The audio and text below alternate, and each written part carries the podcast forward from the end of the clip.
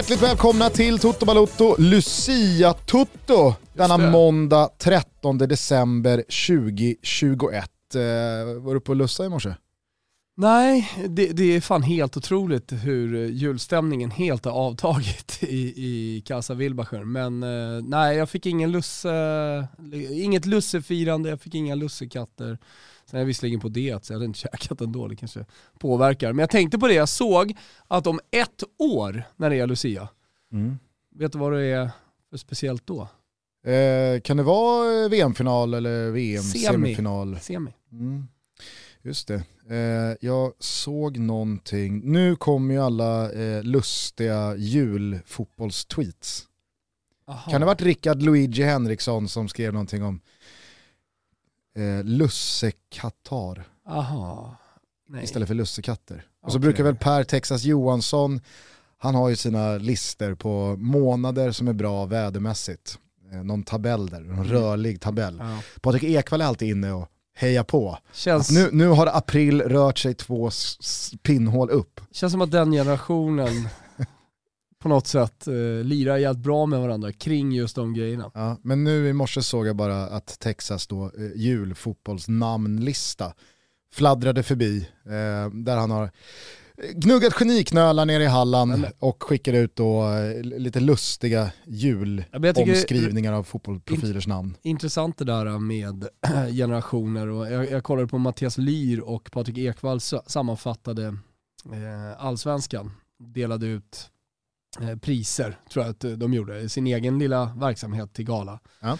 Eh, och, och, då skojade de liksom, i det där för det skulle bli lite rolig sändning. Det var att Patrik Ekwall hade liksom, ja, julpyntat. Det var liksom skojet. Och så gick de lite för långt sådär. Liksom. Det var, det, var, det var inte kul första gången. Dock tycker jag att det är positivt att mycket färre julkalendrar i år. Ja, alltså, de, de, börjar avta som, ja. eh, som, som grepp. Som fenomen, ja, ja. precis.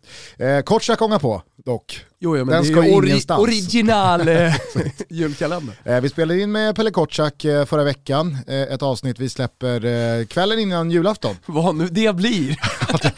det, var ett, det var ett märkligt avsnitt. Ja, det är fortfarande lite ur balans efter det avsnittet. Men eh, det, Kimpa får säkert till det där jävligt bra. Jag tänker att liksom, eh, det, det, det, blir väl någon slags krydda till folks uppesittarkvällar.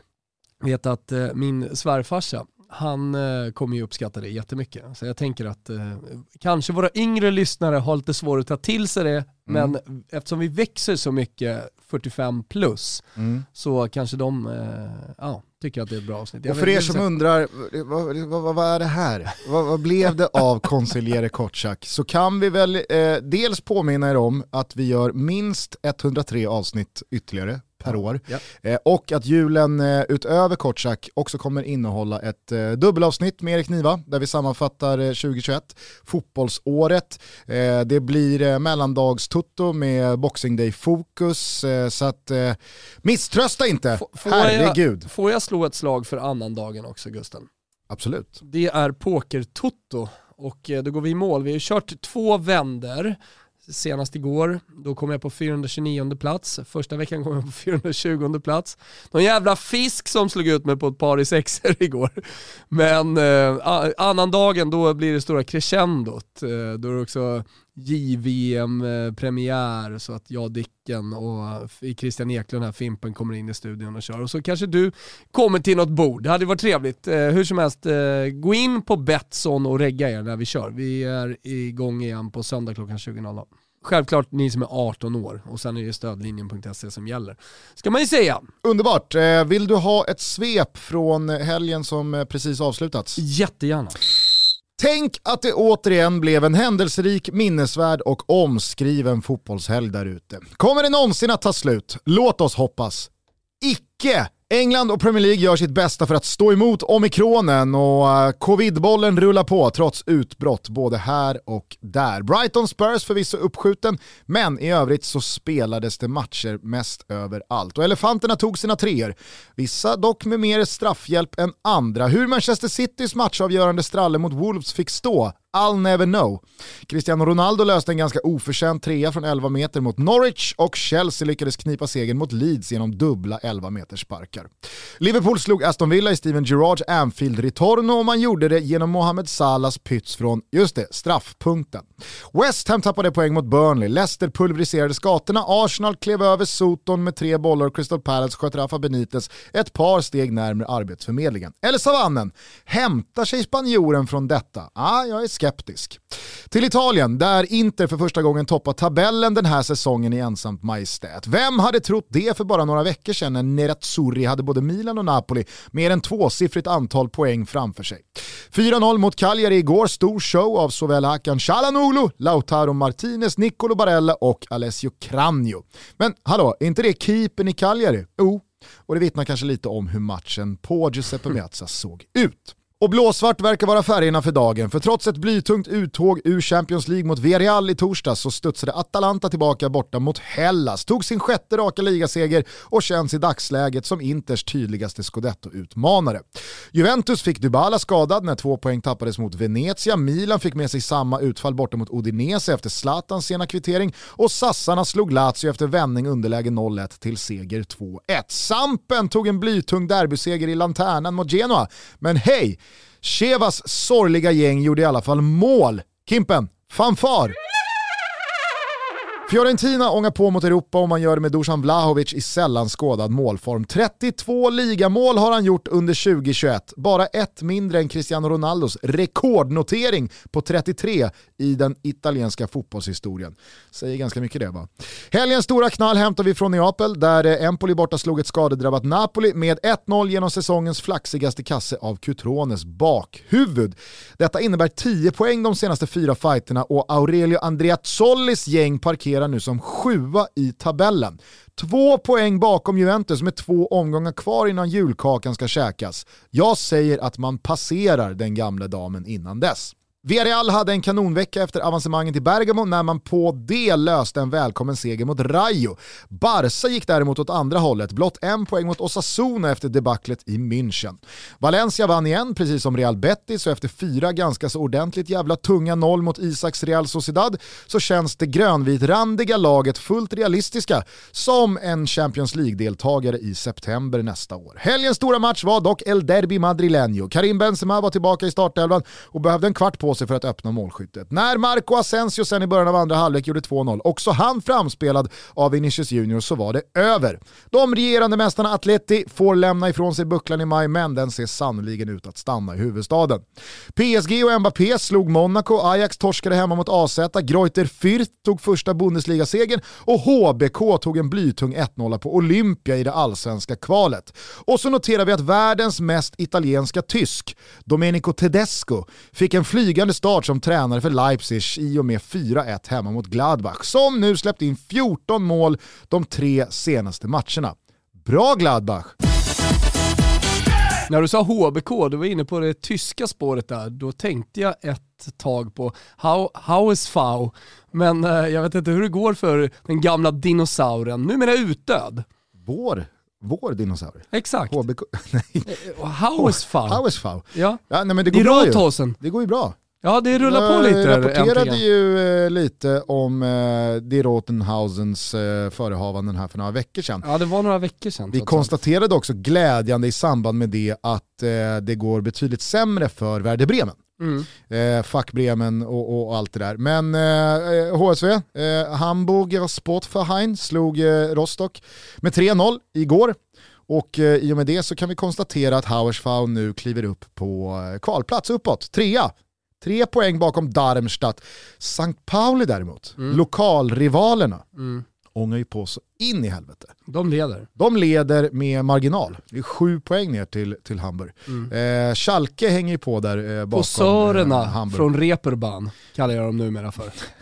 Ja, med sin jävla flagship står mitt på repeban och, och nya trendiga områden. Och, det och så spelas det alltid någon snitsig musik på Millentor. Exakt. Hemmaarenan där. Det ska vara snitsigt, sannerligen. Verkligen. Det var lite som Södermalm 2001 när allting skulle vara snitsigt. Var det snitsigt på Söder ja, men, 2001? Ja, det, var det, det, verkligen det? Ja, men det det var var ju att eh, man, man var omedvetet medveten. Eller medvetet, Exakt. eh, eller tvärtom då kanske. medvetet verkligen. och omedveten. Verkligen. Vadå? Jag går bara runt här i min knasiga lilla Det är eh, väl- t- det är klädstil alltså, men eh, exakt. jag är lite smutsig och har dålig hygien, då spelar det ingen roll. Nej, men det, det är väl liksom hörnstenen i hipsterkulturen. Måste säga, Att vara dålig... medvetet omedveten. Exakt. Ja, men det är ju själva hörnstenen i hipsterkulturen, att vara medvetet omedveten. Oj, jag ramlade bara in här på en second hand-butik som heter Herr Judit och köpte någon, någon gammal afghanrock. Ja. Oj, det här, blev, det här var, det, det Ja, var men de är ju lite där Det här va. Sankt Pauli, och med, med sitt arv och, och alltihopa. Och är det någon som har varit på Reeperbahn och runt eh, i området där så vet ju alla att det, det numera är supertrendy. Lite det Gubbängen är på väg att bli i Stockholm. Ge det tio år så ska du fan se att Gubbis är den nya Reeperbahn. Nej, det vet Utan fan. prostituerade. Eller med, vad fan vet jag?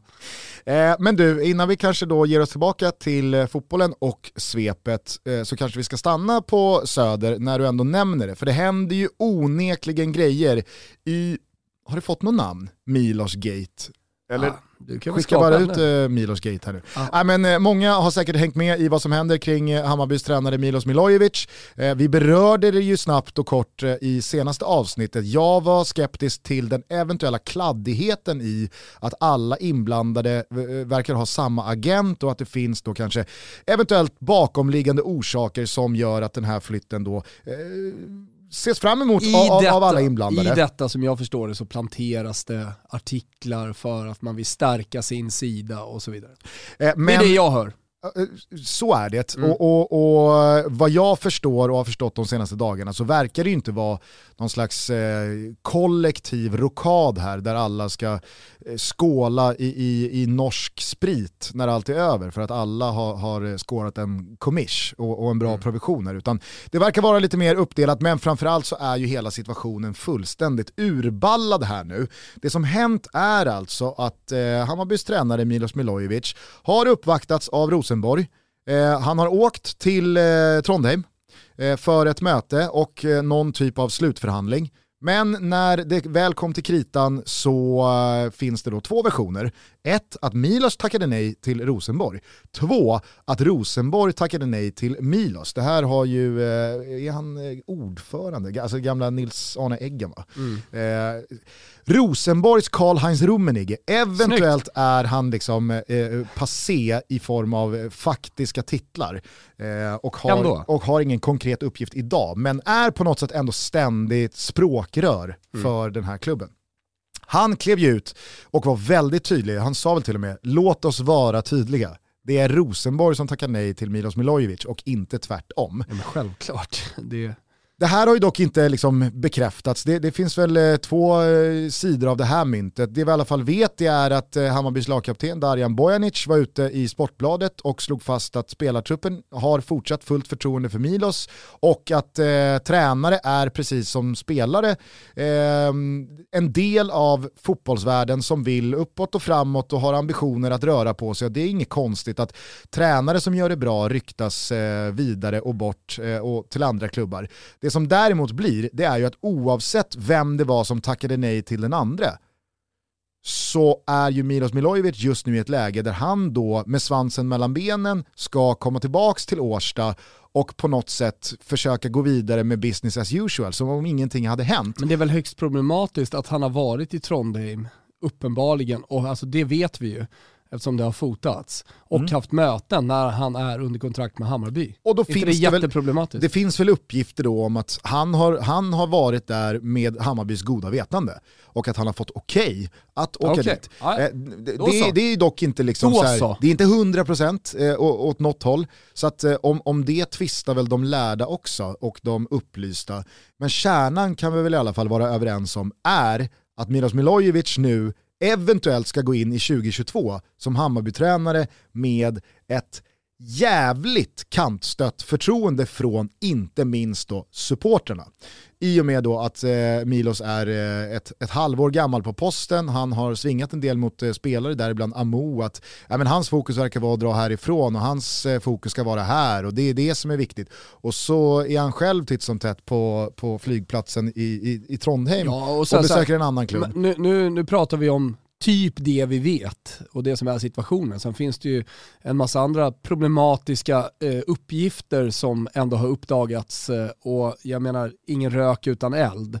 Alltså det här med att han och styrelsen har clashat, eller styrelsen, men, men jag vet inte vilka som bestämmer i, i Hammarby, om det är Peter Kleve i slutändan eller om det är Jesper Jansson eller eh, om, om det är von Yxkull och gubbarna i AB-styrelsen.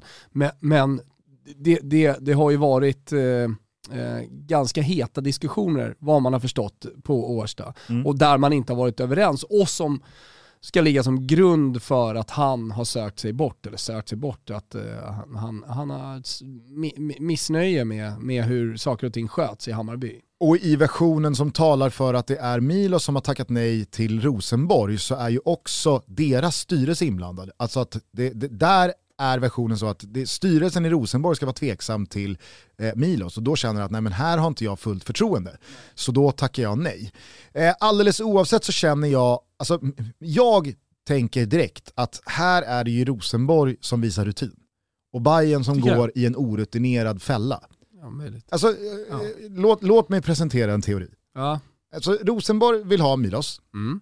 Eh, de uppvaktar honom och, och eh, menar på att så här, men du, du ska till oss, eh, här får du guld och gröna skogar och det blir väl givetvis ett eh, bump upp eh, lönemässigt och, och, och det ena med det tredje.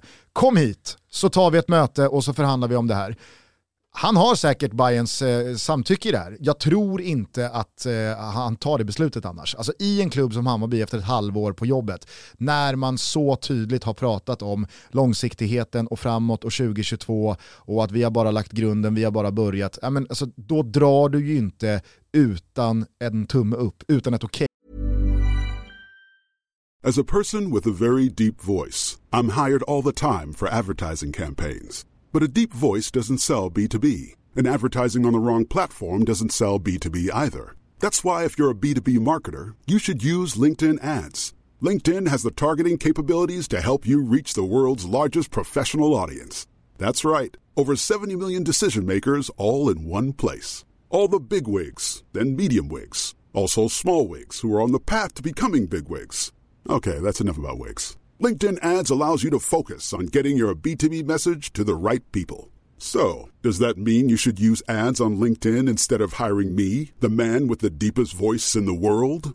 Yes. Yes, it does. Get started today and see why LinkedIn is the place to be to be. We'll even give you a $100 credit on your next campaign. Go to linkedin.com slash results to claim your credit. That's linkedin.com slash results. Terms and conditions apply. Till Trondheim jag, jag, och förhandlar jag, med eh, Rosenborg. Skulle ju också kunna vara så att han har sagt till Hammarby, varit öppen och ärlig och sagt att jag kommer åka till Trondheim, jag kommer förhandla om ett kontrakt där, jag kommer ja. i alla fall lyssna på vad de har att säga och Hammarby ja. har sagt fy fan för dig Milos. Det tycker vi är skit. Så men, kan var, det vara. men vi kan inte stoppa dig typ. Min teori är då i alla fall att Rosenborg kanske lyfter luren till en eller två discofigurer i Norge och säger kolla vem som landar på flygplatsen här i eftermiddag, eller ikväll, eller i bitti. Så att det kommer ut i pressen att nu är Hammarbys tränare Milos Milojevic i Rosenborg. Och det gör ju att när Bayern då sätter sin prislapp, som det ryktas om eh, handlar om någonstans 6, 7, 8 miljoner för att lösa honom från kontraktet. Ja, då vet ju Rosenborg att då kan de säga, ah, nej det här blev ju för dyrt. Det här går inte för sig. Men då är det ju redan ute att Milos har liksom kanske förmodligen bränt sig i Bayern Så att de måste hitta en lösning. Så Rosenborg kan ju bara nu stå bredvid och lugnt tacka nej och säga nej det blev för dyrt, men veta att han blir inte kvar där. Och om en vecka eller två, ja, då kanske Milos är löst från det där kontraktet och så står Rosenborg och säger, men de där 6, 7, 8 miljonerna, vad händer med dem? Det blev bara en miljon för du kan ju inte vara kvar i Hammarby. Jag, jag, jag känner hela kroppen att Rosenborg är rutinerade här. När, när de köper honom för 700 000 norska, Exakt. då får du rätt. Eh, men eh, tror du, alltså ur ett supportermässigt perspektiv, att Milos Milojevic kan träna Hammarby?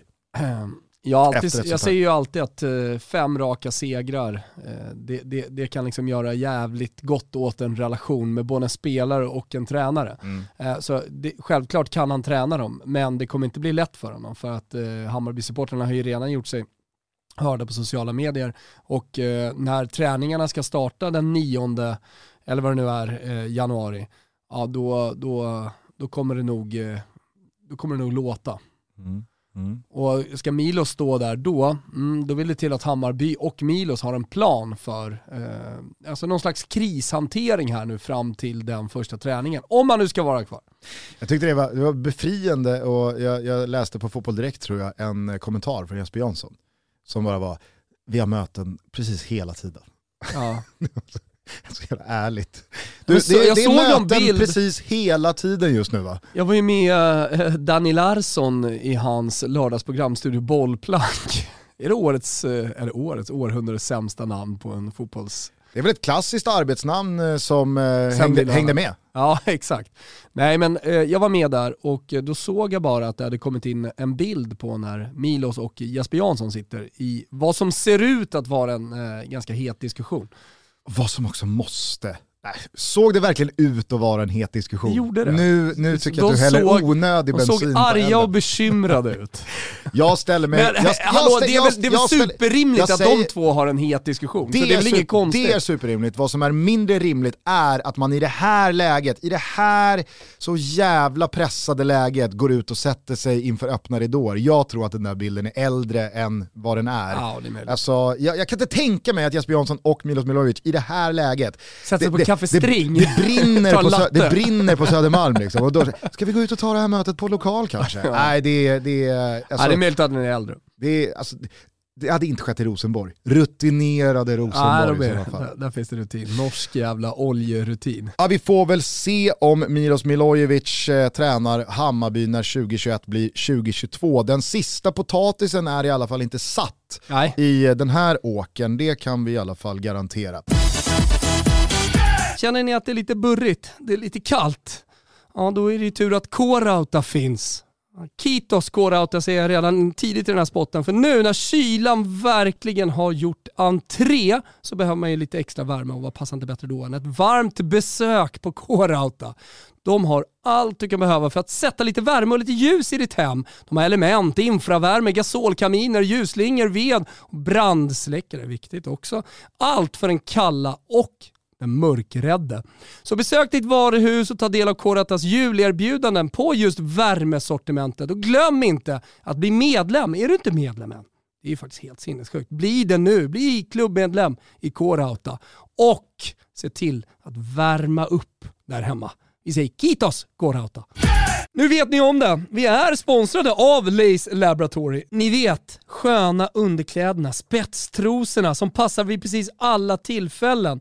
Varje storlek stretchar upp till 150% av den ursprungliga storleken. Så välj den som din flickvän, din älskarinna, Eh, vem du nu vill ge bort till. Vi vet att det är 97% män som lyssnar på Toto Balotto, så vi, vi, vi vänder oss framförallt till er i dessa jultider. Och på tal om jultider då, så har Lace Laboratory nu tagit fram den perfekta julklappen till henne. Målet borta på Lace Laboratory är att skapa de perfekta trosorna som passar vid alla tillfällen och alla tjejer och alla smaker. Och som kan köpas till ett rimligt pris. Med också en stark kvinnlig community i ryggen. Det är bara trosor, det är ingenting annat. Så skäm bort din tjej och överraska henne med en helt ny uppdaterad trosgarderob. De kommer givetvis bli hur glada som helst. Det är www.lacelaboratory.com. Det är 15% på hela orden exklusivt med koden TB15. Fundera inte, tjacka er julklapp till er tjej redan idag. Vi säger stort tack till Lace som är med och möjliggör Toto Balotto. Eh, Ska vi ta oss tillbaka till eh, svepet då och eh, kontentan av helgens fotboll. Ska vi Mm. börja i Madrid-derbyt? kan vi göra. Fan vad bra de är Real Madrid alltså. De Vilken jag. höstsäsong de gör. Mm. Det kändes som att den där, alltså du och jag brukar ju gilla att eh, utgå från eh, oväntade eller oväntat tunga förluster som eventuella vändpunkter för säsonger. Den där torsken hemma mot Sheriff i Champions League-inledningen, det. var inte det precis liksom vad Carlo Ancelottis Real Madrid behövde? Men är, är inte Carlo Ancelotti eh, liksom hela hans tränargärning att starta försiktigt, eh, kanske lite nedtränade och sen bara lyfta. Alltså jag brukar alltid säga att det, det, det är någonting positivt när stora starka lag är dåliga i september-oktober. Det kanske inte alltid stämmer, men jag gillar att eh, dra en lans för de eh, lagen som går lite tungt. Juventus eh, är ju inte så till exempel. Alltså då, och kommer inte lyfta den här säsongen, men de kanske är lite för dåliga så kanske inte, kanske inte går att applicera det på just Max Allegris Juventus just i år. Men Carlo Ancelotti, han är ju, ja men, han är väl proffset på att starta försiktigt för att sen eh, bara vinna allt. Ja. Så att eh, när, när man förlorade mot Sheriff, jag tror till och med jag sa det i Toto Balutto, det är det bästa som kunde hända. Kanske. Jag tror fan att det, det hade mycket, mycket väl kunnat sagt i alla fall. Det jag tror att jag i alla fall menar med, med den känslan, det är ju att de frågetecken som fanns kring Real Madrid inför den här säsongen, hur ska egentligen den där backlinjen se ut? Börjar inte det där mittfältet bli ett par år för gamla? Är Vinicius Junior verkligen någon som kan börja fylla skorna i rollerna som har lämnats bredvid Karim Benzema? Vem ska egentligen vara härföraren och kaptenen här nu när Ramos har lämnat? Alltså, det fanns ju ganska många frågetecken och så förlorar Men... man mot lilleputt blåbärsdebutanten FC Sheriff som har stått och tagit selfies kvällen innan på Bernabéu. Och då kändes det som att ja, men hela laget och klubben och, och Ancelotti inte minst bara bestämde sig för att nej, nu, nu, nu är det vi som visar klassen här. Nu är det vi som eh, snäppar upp oss själva här. Och sen dess så har det ju varit ett jävla segertåg. Alltså de håller ju nolla på nolla med det nya mittbacksparet Alaba Militao. Courtois eh, är, är i sitt livsform. Det, det här mittfältet, Casemiro, Kroos, Modric.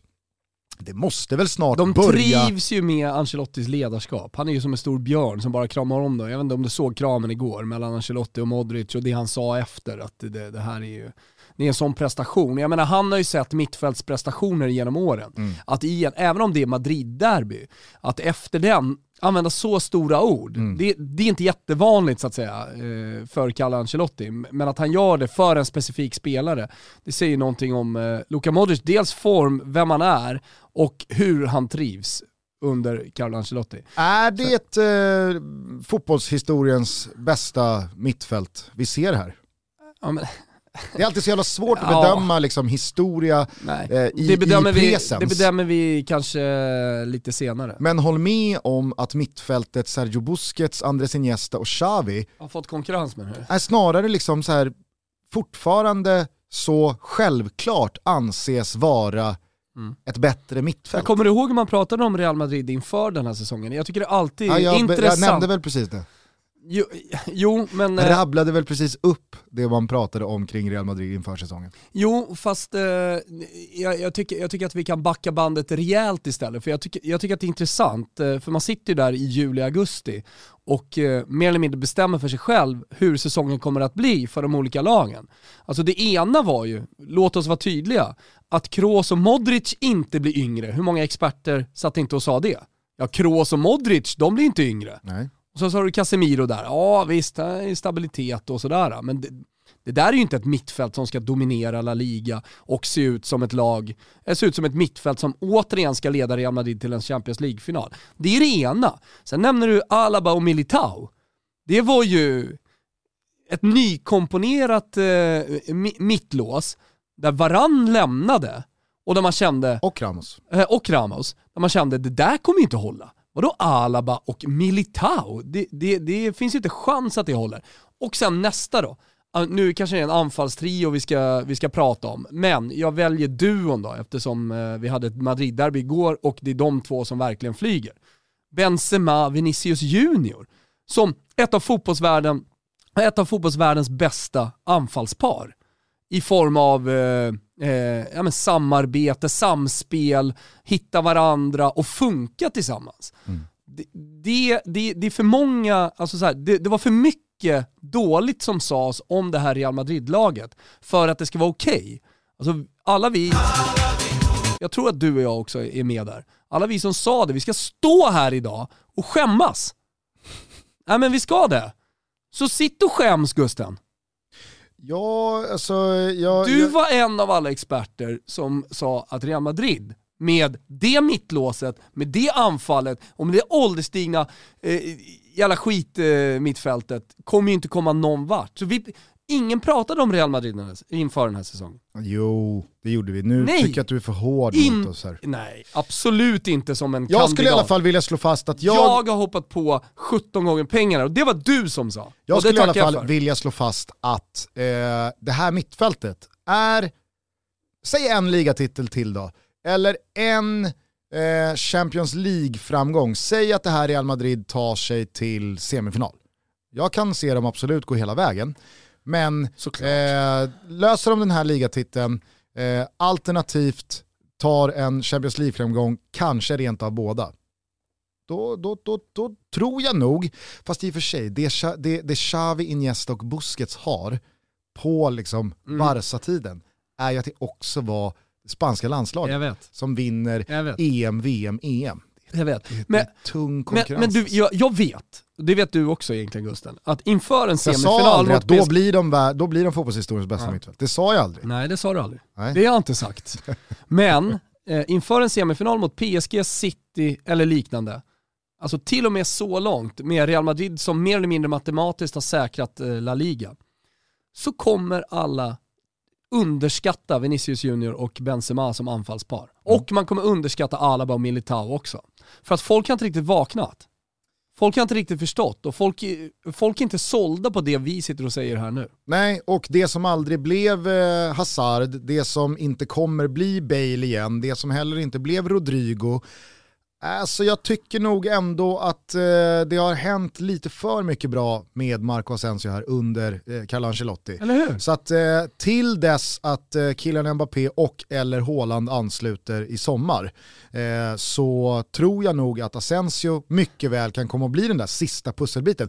För när Asensio spelar som han har gjort den här veckan, alltså med övertygelse, med självklarhet, med bra avslut, med en eh, stark fysik som inte rycks sönder av massa skador här och där, äh, men då, då, är han, då är han jävligt bra och man ska heller inte underskatta Precis som man pratar om att när Messi, Neymar och Mbappé bildar fronttrion i PSG så tar man ju lite för mycket syre av varandra. Man tar lite för mycket rampljus av varandra. Alla tre måste göra avkall på det de är liksom satta på fotbollsjorden för att göra. För att de andra två ska ha sin tid med bollen, som ska ha sina touch, som ska ha sina ytor och sina passningar. Alltså det är ju så jävla underskattat med en tydlig trea i hierarkin i en trio. Så att med Benzema som spjutspets, med Vinicius Junior utanför honom, så är det ju liksom i många avseenden optimalt med en Asensio som aldrig kommer kunna stå och vifta med armarna och slå ut med, med, med hela kroppen och, och visa någon slags frustration. Varför fick inte jag bollen? Varför får Benzema bollen där? Han vet sin plats och han gör det jävligt bra. Så att, nej, eh, sista pusselbiten är på plats här. Mm. Och eh, de kan ytterligare spetsa det där laget om de behöver i januari också. Med, med någonting som behövs för bredden. Ja, å andra sidan så finns det ju fan en bredd där också. Så att, eh, nej, jag, jag, jag, jag tar av mig hatten för Real Madrid och Carlo Ancelotti. Gör det. Eh, vi eh, tackar Atletico. Madrid eh, för visat intresse i eh, försöket att försvara sin ligatitel. För det här kan ju inte gå. Det Nej, är 13 poäng upp till Real Madrid nu. Förvisso med en match mindre spelad, men ändå. Mm. Jag ser inte Atleti försvara den här titeln. och man börjar, jag vet, kanske man inte ska säga nu, nu vann de ju titeln i maj men Simeone. Säg det inte. Säg det Alltså, inte. men det anfallet, herregud, måste ju skapa mer och då pratar jag inte bara om matchen igår. Måste gå att få ut mer av det anfallet. Han har säsongen på sig, sen ska vi börja prata om det. I Fotbollssöndag Europa-studion så pratade både Adam Pintorp och Marcelo Fernandes länge och väl om Joao Felix. Att det, det, är så, det är så frustrerande att se honom spela sin bästa fotboll i små perioder, både av matcher och säsonger. Och, och, och, och undrar liksom, när ska det lyfta på riktigt? Marcelo lyfte att ja, men jag, jag tror nog att det kanske är bättre för honom att lämna Atletico Madrid.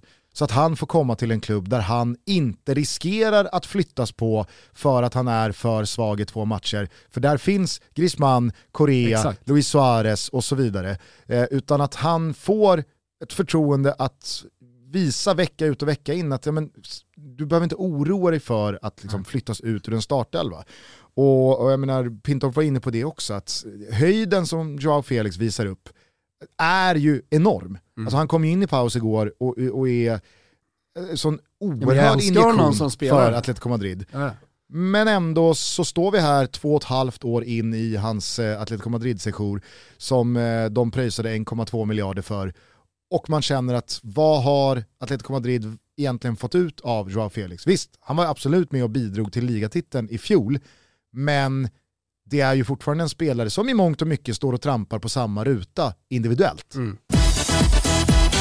Något annat från eh, Spanien-helgen? Real Betis, wow, Men, igen, nej, eller? Det, det, blir ja, jättewow. Eh, De, de, de ser ju fantastiska ut och sättet de slaktar Real Sociedad på. Alltså egentligen två grejer från Spanien. Det ena är ju Alexander Isaks säsong som ändå är anmärkningsvärd svag. Han hade ju en period där med kanske två veckor som det kändes som att nu kommer det lyfta, nu är han igång. Mm. Nu, nu är maskineriet inoljat. Och Det var ju kanske också tungt. sammanflätat med ett par jävligt bra landskamper. Exakt. Målet mot Spanien Han och så hade, vidare. han hade en period, kanske var längre än två veckor, Grekland. kanske var tre veckor eller någonting sånt där. Mm. Men, men eh, alltså han tillsammans med Real Sociedad, de, är, de har också vunnit mycket sent. Alltså jag, jag kan tänka mig att Fantomen har sett det här i sina siffror komma lite för Real Sociedad. De kommer tappa matcher. Jag vet inte om ni har pratat Det slog om vi det. fast i, i, i fotbollslabbet för några veckor sedan Exakt. när Real Sociedad Det här kommer att hända. toppade tabellen. Att, nej, men, eh, de, de har fått otroligt eh, bra utdelning på sina skapade Lite målchanser. exakt samma sak med Milan. Att de också fick lite för bra utdelning tidigt eh, för ganska få skapade målchanser och dåliga utgångslägen inför sista kvarten 20. Eh, så jag ska inte säga att jag är orolig, men jag tycker att det är lite tråkigt i alla fall att jag inte får se Alexander Isak leverera mer. Men det hänger ihop med hela laget. Igår de dåliga, vad fan ska han göra då? Eh, det, det andra är ju att, eh, jag har ju kommit till det där läget nu i och med att du och jag har ett bett med varandra gällande Barcelona Mm. att jag varje vecka Barcelona spelar ligafotboll gnuggar bort dem. Men det är också sjukt för att jag, jag, jag ville Härliga dem tider för det nu alltså. Ja, men jag ville dem ju lite väl i Champions League. Alltså, Xavi kom tillbaka och då kände jag att ja, men, jag fick lite puls och, och ville att de skulle vinna. Och samtidigt då som att det här bettet är så viktigt för mig. Så äh, jag, jag, jag satt där och liksom jobbade bort, och, eller framförallt jobbade jag ju in en Osasuna-kvittering. Det blev ju 2-2 till slut. Men på tal om eh, Fantomens ut. siffror så garanterade han faktiskt, för jag och Adam Pintorp pratade om det här eh, säsongsbettet eh, med dig eh, igår, och då Mm. sa han att jag kan garantera Barcelona topp 4. Mm. Nej, det kan han inte göra. Alltså, det, det, det, det, det är där så att säga, de, de sviktande fotbollskunskaperna och den dåliga magkänslan kommer in. Eh, det, det, jag besitter då, eh, jag har en kristallkula, det har inte han och så vidare.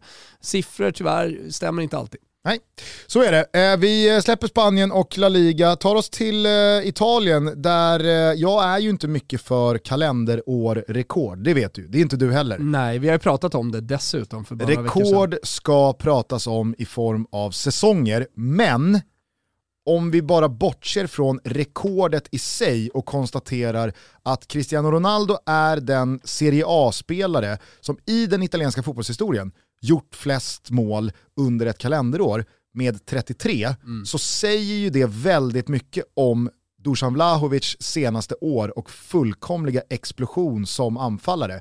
Att han nu står på 32 gjorda mål med två ligamatcher kvar av året. Skulle han således göra två mål på de här två matcherna, de relativt enkla uppgifterna Sassuolo och Hellas Verona, så har han alltså gjort fler Serie A-mål på ett kalenderår än någon annan i den italienska historien. Och det är ju ändå otroligt. Alltså det Exakt. är ju otroligt, för det har spelat så jävla många bombers i det där landet, i den där ligan. I det där laget. Ja, dels, Luca ja, Toni, visst. Battistuta, du kan, du kan nämna många. Eh, Christian, Rik, Christian Rigano Ja, var en sån sak. Han gjorde mycket mål för Fiorentina. Jag menar bara att han, han, han slog in sig i historien, men problemet, med, problemet, det som är lite jobbigt att vara Fiorentina-supporter, det är att man vet att han snart är borta. Eh, för nu har man ju värvat Jonathan Ikoné, eller värvningen är inte riktigt klar, men man är väldigt nära. Och så har man Nico Gonzales, på tal om liksom, spelare som har flygit i Fiorentina under, under hösten, och så Dusan Vlahovic längst fram. Tänk dig de tre ihop. Det kan bli helt, ja, men, sjukt bra. Eh, Men alltså man behöver inte ens prata om eh, kalenderåret. Du kan ju prata om att han har gjort 15 mål för Fiorentina under eh, den här hösten. Som fortfarande inte är klar. Julkaka ska ätas och så vidare, men inte än. Utan han har två matcher på sig och med största sannolikhet så gör han väl mål. För tittar du på hans liksom målfacit så är det en, två, tre, fyra, fem senaste matcherna så har han gjort mål. Och i två av de matcherna så har han gjort doppietta. Eh, men men det, det, det, är liksom, det är så nära målgaranti på en spelare som man kan komma. Och det var, tycker det var länge sedan man såg i Serie A. Det var ju typ när Luca Toni var som bäst och öste in mål. Ah, Iguain. Ja okej, okay. ja, ja. Iguain, Iguain eh, sista två säsongerna i Napoli. Ja, det var också målgaranti. Och sen ska man väl ändå ge det till både Cristiano Ronaldo och Ciro Immobile. Ja, inte på samma... Ja, jo. Ciro Immobile för övrigt smyger på där bakom. Lazio går ju sådär, förlorade mot Sassuolo som du sa i svepet. Chiro Immobile inte mål. Nej, Chiro Immobile är inte mål, men står ju på 13. Två ja, mål jo, i skytteligan, två mål bakom Det, bara, det, var, det var bara kul otroligt. att vi pratade om Immobile som en målgaranti dagen efter att han inte Absolut, gjort mål men, mot Sassuolo. Men, men jag tycker det är intressant att han smyger med att eh, jag, eh, Simeone också har gjort 12. Alltså tre bakom eh, Dusan Vlahovic. Nej, det, jag vet inte, hur kom, hur kom vi in på Vlahovic? Nej du... men det, det, slog mig verkligen igår när eh, Leonard Jägerskiöld Velander plockade fram de här siffrorna. För att, alltså, jag, jag, jag, fick sån jävla svindel. Plockade fram de här siffrorna, siffrorna, de har ju snurrat i tre månader. Ja men just de här 32 kalenderår. Jo men de alltså, pratade ju om svepet för två veckor sedan. Alltså det här har ju varit Ja liksom men tre, må, tre må, ja okej, alldeles oavsett. Ja, ja, ja. När det belystes igår så fick jag lite så svindel för att det är så många stora målskyttar i Serie A-historien som man har levt med. Alltså eh, Pippo Inzaghi och Vieri och Battistuta Senast och ung spelare, så här, senast en ung spelare, alltså en bomber i, i Serie A, känns som typ det, det svåraste man kan göra inom fotbollen. Att dels övertyga en italiensk tränare att du ska vara startman och att alla bollar ska gå på dig. Mm. Men att också göra över 20 mål. Du kommer ihåg Fiorentinas förra säsong? Oh ja. Usel. Alltså Beppe Jacchini skulle in och det var Kepan där och alltså, han spelade sin trötta hela 3-5-2 boll. Alltså, vi behöver inte ens prata om kalenderåret för att liksom, se Dusan Vlahovic storhet. Han gör alltså 21 mål! Och göra över 20 mål som ung spelare i Serie A, det är ju otroligt. Han var Verkligen. 20 bast förra säsongen och i år har han redan gjort 15. Jag säger nu bara att det var senast en så ung spelare gjorde två säsonger i rad, alltså gjorde över 20 mål två säsonger i rad. Det måste ha varit Alberto Gilardino. Ja, får någon annan säga emot mig. Kanske. Jag säger att det var senast och det säger ju väl en hel del. Vi slår i alla fall fast till alla er som lyssnar på det här men inte följer Serie A att Dusan Vlahovic är så mycket på riktigt eh, man kan vara. Alltså, Drömspelare, är... du ser på hela hans aura när han ja. spelar. Kom ihåg när han var valpig. Alltså du hade ju förra typ hösten så pratade man om Fiorentina måste söka en riktig bomber så att Dusan Vlahovic får växa. Mm. Klassiska. Ja men så han får växa. Ha, vad behövde han?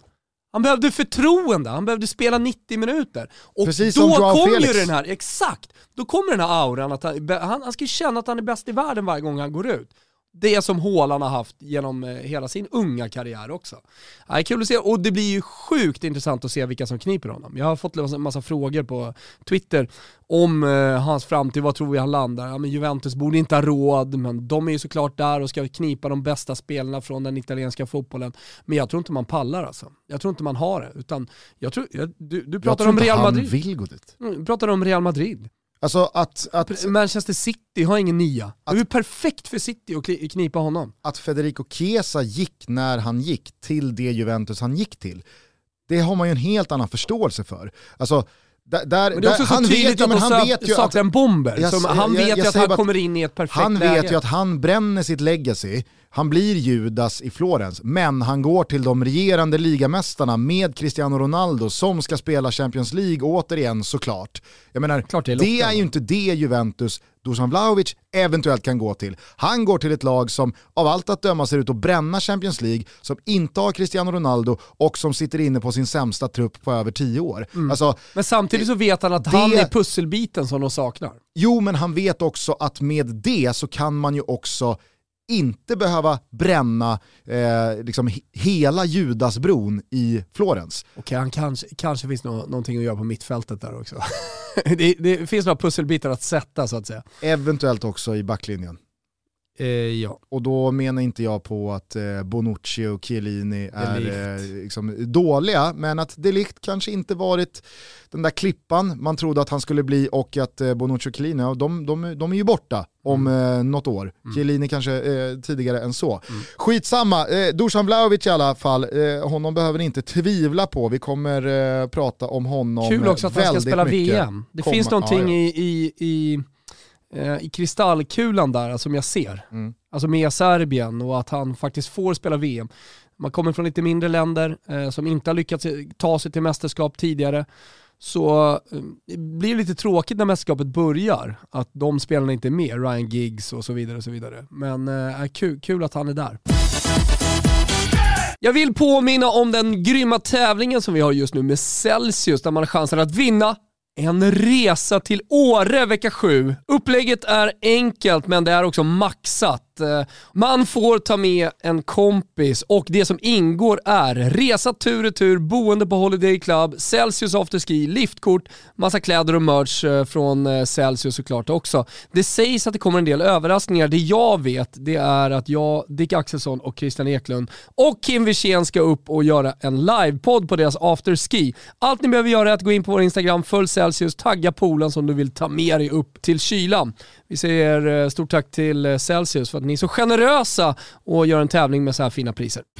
Ni som har lyssnat på Toto 5, ja ni som inte har gjort det, gör det. Men ni som har lyssnat vet att vi gör den podden tillsammans med Stadium. Och de fina gamla Norrköpingsföretaget har ju ett engagemang och gör ett jobb bland klubbar och föreningar i landet för att skapa en så bra sportmiljö som möjligt. Och de försöker alltid möjliggöra förändringar och jobba ständigt med utveckling, både internt och externt med föreningar och klubbar. De lever efter sin vision och i samarbete med föreningar och andra delar av samhället så vill de inspirera fler till ett liv i rörelse och helt enkelt aktivera världen. De eh, stöttar väldigt många föreningar och det här tycker jag är bra.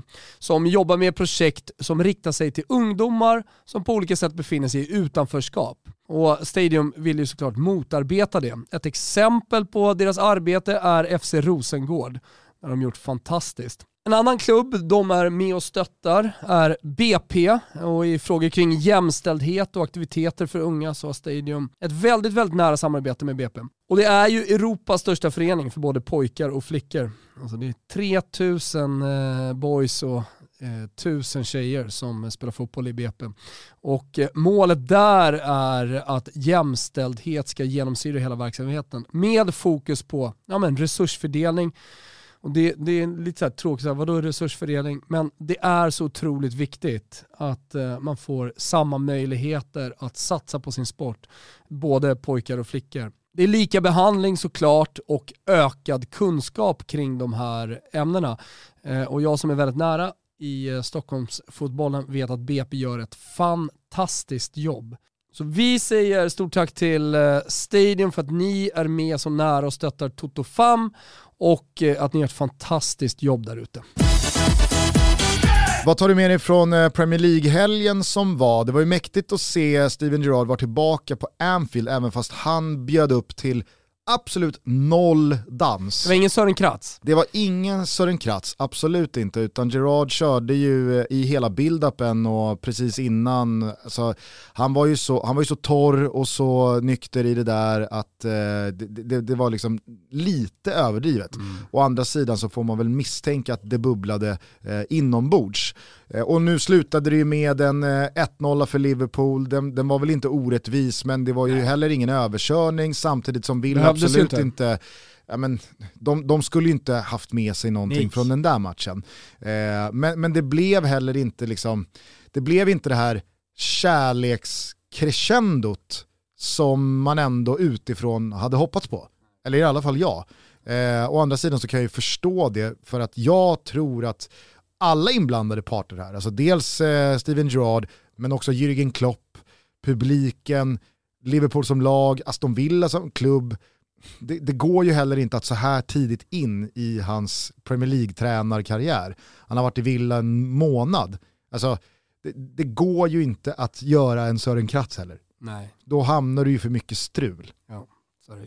Så här, lite för stor arena att göra det på också. Sören Kratz tänkte kanske allsvenskan där och då, att man kommer lite undan med det. Det gjorde han inte! Nej. Jävligt obehagliga bilder på Victor Nilsson Lindelöf eh, som eh, satte sig ner, tog sig för bröstet eh, i matchen mot Norwich, eh, lämnade och eh, pratade själv om att han kommer inte ihåg situationen eh, när han eh, satte sig. Och det, det är ju liksom läskigt på riktigt. Inte bara andningsbekymmer, men att han inte kommer ihåg.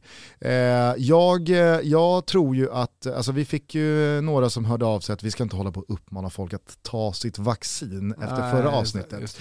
Jag tror, jag tror snarare att, alltså, om det nu går att peka på en ökad mängd fall och exempel på spelare som har haft bröstsmärtor eller andningssvårigheter eller haft sådana åkommor, Lex typ Kun Agüero, Mm. eh, Lindelöf i helgen.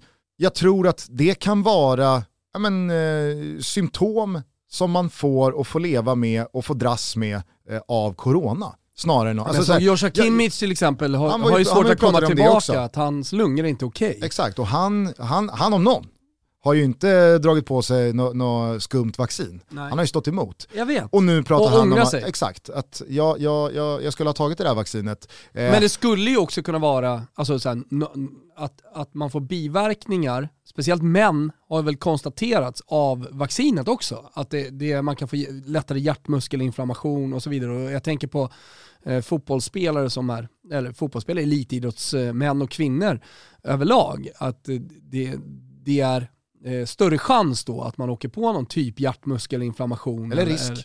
ja, absolut. Men, men, men eh, det, det, det är jag tror i alla fall sett. till eh, eh, antivaxarnas liksom, eh, högljudda motståndsstämma här, att man, man behöver inte slå fast att alla besvär som man har sett exempel på senaste året är konsekvenser och biverkningar av vaccinet. Nej. Utan det man tror- kan konstatera är att det är en jävla situation vi befinner oss i och det, är, och det- och det är Det är obehagligt. röven. Och det är jävligt obehagligt för att alltså, så som Lindelöf sitter på huk, tar sig för bröstet och sen pratar om att han minns inte eh, liksom situationen som gör att han, han går ner.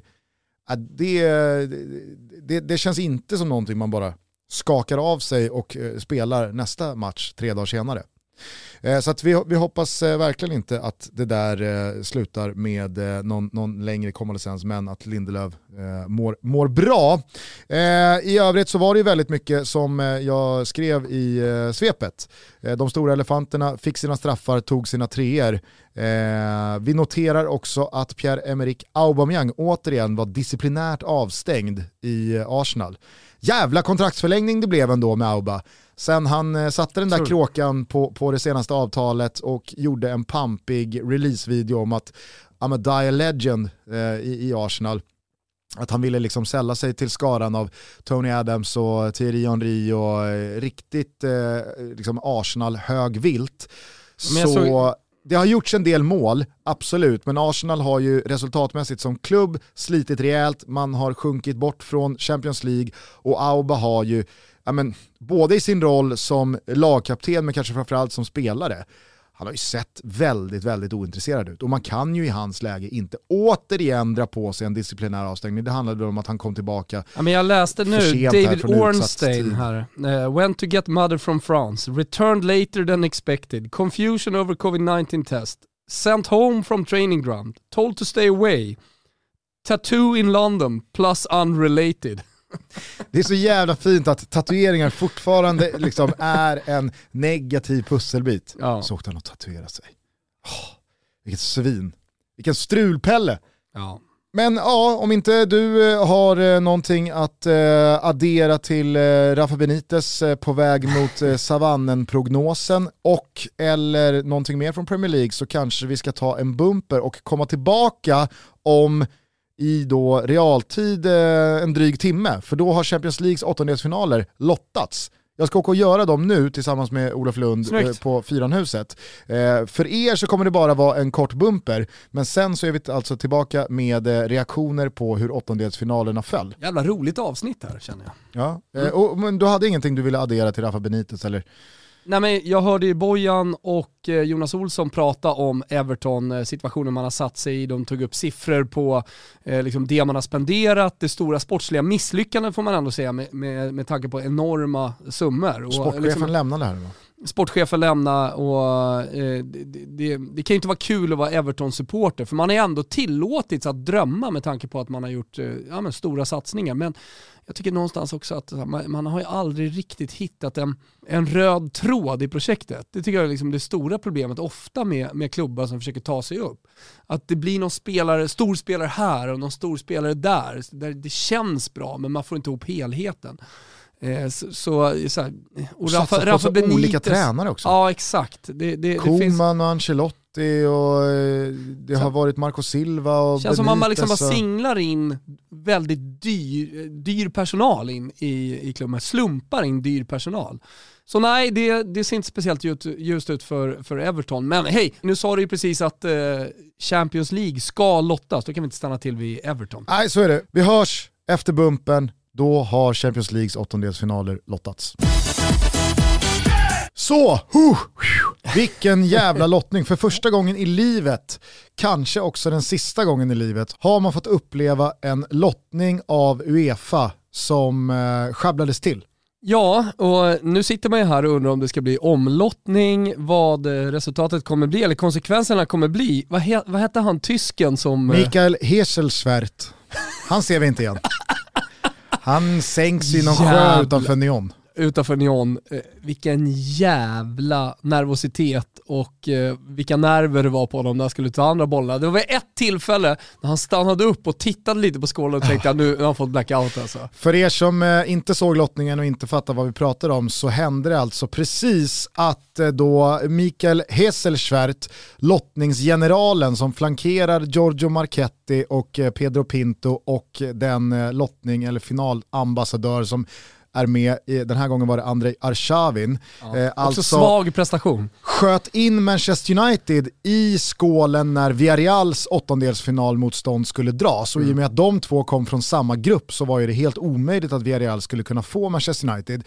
Och då drar ju givetvis Arshavin eh, Manchester United-bollen var på Marketti eh, får ju liksom panik. This is not possible. Och så känner man bara av den oerhört tryckta stämningen och eh, Heselschwert står ju och skakar på huvudet. Men jag undrar, det kanske inte är hans fel utan den bollen skulle innehållit ett annat lag. Vilket lag var då det? Jag tror, inte för att det gick att liksom spola tillbaka eller se några repriser. här hänger vi Heselschwert, alltså, men han nej, kanske inte har gjort någonting. Det som sker är ju att Marketti drog grupptvåorna mm. och utifrån vilken grupp två Marketti drog så samlar ju Heselschwert in de möjliga motståndarna. Och då Men han tror tog jag, väl från rätt skål? Jag tror att han tog en, alltså alla de lagen ligger uppdelade i varsina skålar. Mm. Så då, jag tror att han, han, han tog med sig en Manchester United-boll. Jag vet att eh, Svanen skrev ju i WhatsApp här att saknades det då inte ett lag? Du tror inte det? Nej, utan jag tror bara att alltså, det var ett lag för mycket mm. eh, och, och, det var Manchester United som så då klart eh, Ar Arshavin drar. Eh, det blev Manchester City, sen så började det liksom dyka upp, alltså, det, det var ju stor förvirring efter det. Om det var så här, blev det nu Villarreal Manchester City? För de skickade ut en grafik då Jo att... men det kan ju bli fel, en grafisk gubbe som sitter och trycker fel. Alltså, det, är inte, alltså, det, det är ju inte sanningen liksom, vad som, vad som skickas ut i, i, i, i grafiken. Jag menar, där, där har det blivit fel förr. Ja. Det är ju bara en person som sitter bakom rattarna. Vi kan väl ta det eh, rätt eh, upp och ner bara. Atletico Madrid drog Bayern München. Eh, tuffast tänkbara lottning för Atletico Madrid skulle jag säga, men Bayern München var ju nog inte speciellt nöjda med hur det här artade sig heller. Chelsea kommer tvåa och får Lill. Jo, jo, men nu tar vi ett, en, en åttondel i taget här. Jag säger bara att eh, det, det, det fanns ju lättare lottar att få. Tydlig favorit på Bayern München, men herregud, eh, alltså, de regerande La Liga-mästarna kan ju absolut på två månader få träff på saker och ting och ha en riktigt bra dag på Wanda Metropolitano-kontoret. Eh, så att, eh, Bayern München var nog inte sådär jättenöjda. Benfica mot Real Madrid. Mm. Jätte jättebra lottning för Real Madrid. Vi pratar om Real Madrid eh, hela det här avsnittet höll jag på att säga, så det, den, den känns klar. Och så blev det då Chelsea mot Lille, den där eh, 3-3-struten i Sankt Petersburg landade i, landade Lille, väl. i åttondelsfinalen, precis som vi misstänkte. Eh, Salzburg-Liverpool. Ja. Repris av det oerhört fartfyllda mötet från hösten 2019 med Haaland och Minamino och Jesse Marsh Hörde du plockade upp den i livesändningen, det var snyggt. Eh, men eh, det kan väl bara sluta på ett sätt det va? Ja, ja.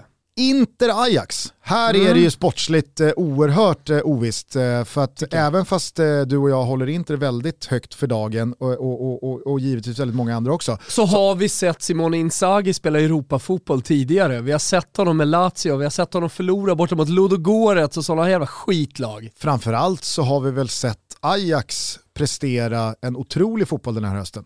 Ja, det, det är väl det som är liksom grunden eh, till att man eh, ser det här mötet som ovisst. Alltså jag tror jättestarkt på Ajax, men det är en tuff lott och inte ett bra lag. Eh, 50-50 nästan. Mm. Även om jag tror att oddsen kommer landa till Inters fa- favör så att säga. Och så har vi en eh, ny modern eh, Champions League-klassiker i repris då. PSG mot Manchester United. Det var ju miraklet i Paris som gjorde att Ole Gunnar Solskär fick det där permanenta kontraktet. En, eh, en så kallad pyrrusseger tog man där när Lukaku och Rashford och gänget löste avancemanget mot alla odds för två och ett halvt år sedan.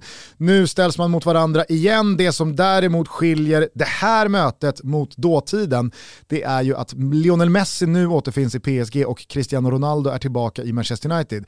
Det känns som att det här är sista gången. Det här är sista clashen vi får mellan Messi och Ronaldo. Ja, det kan du mycket väl ha rätt i. Vad händer sen då?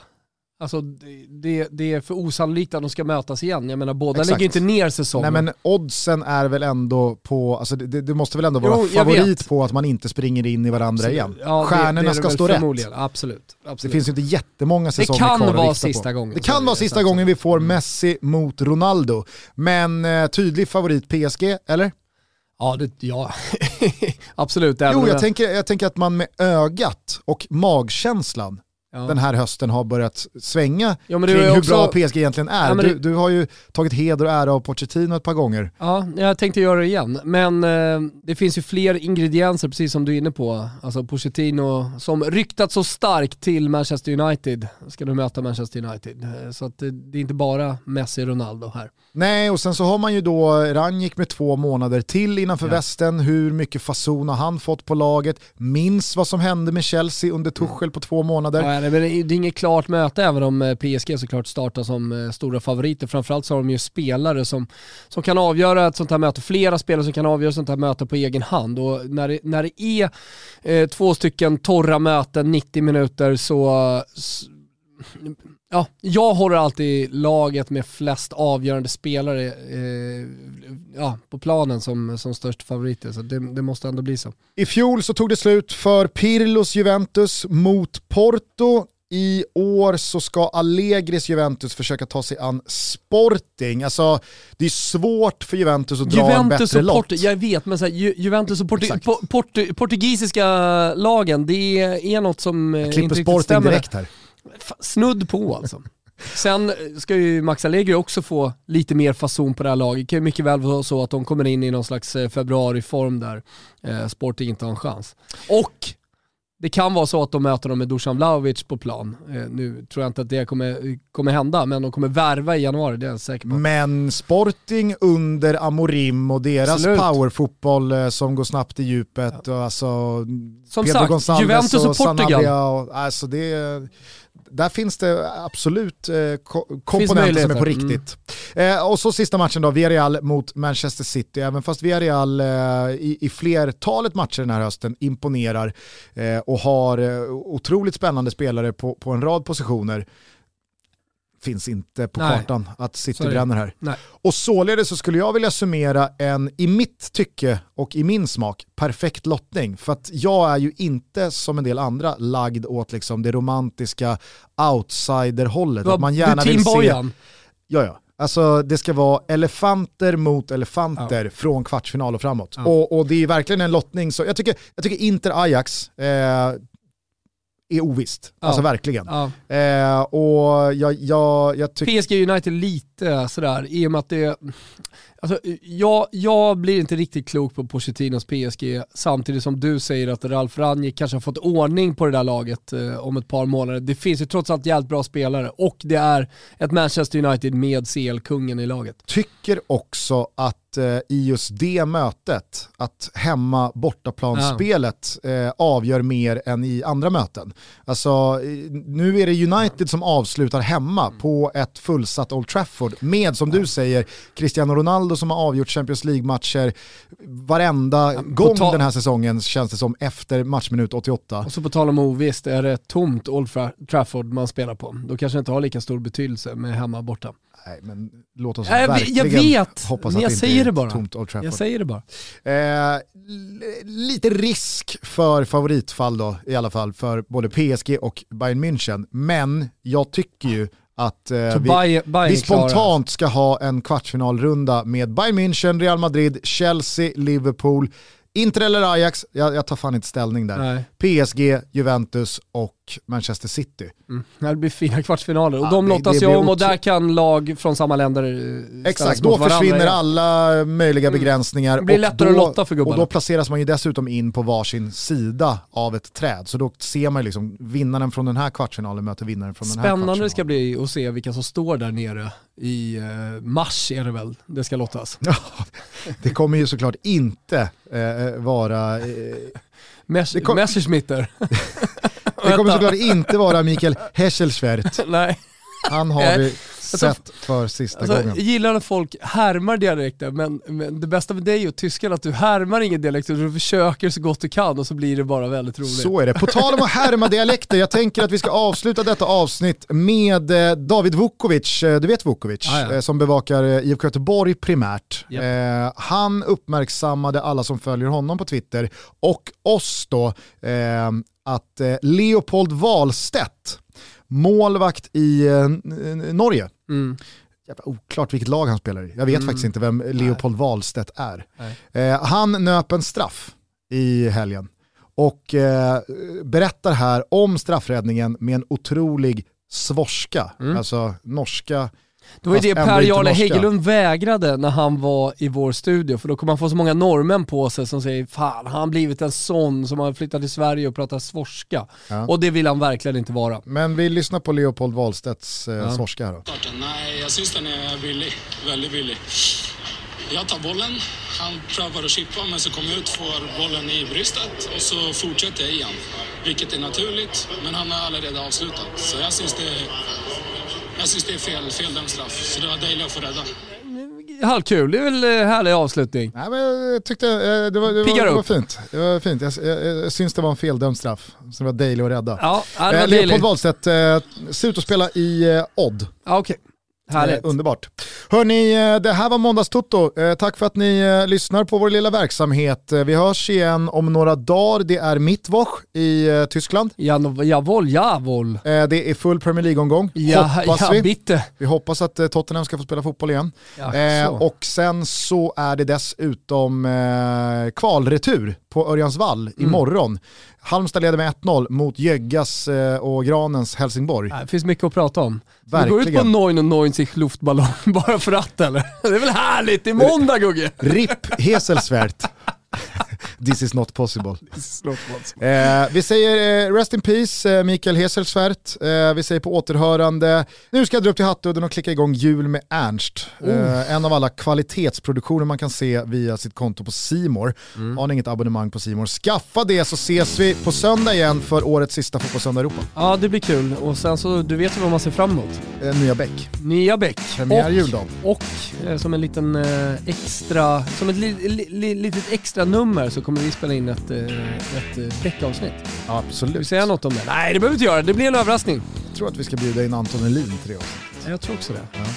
Ja. Eh, dessutom är det Bachelorette-finalvecka idag på Simon. Hatar man inte.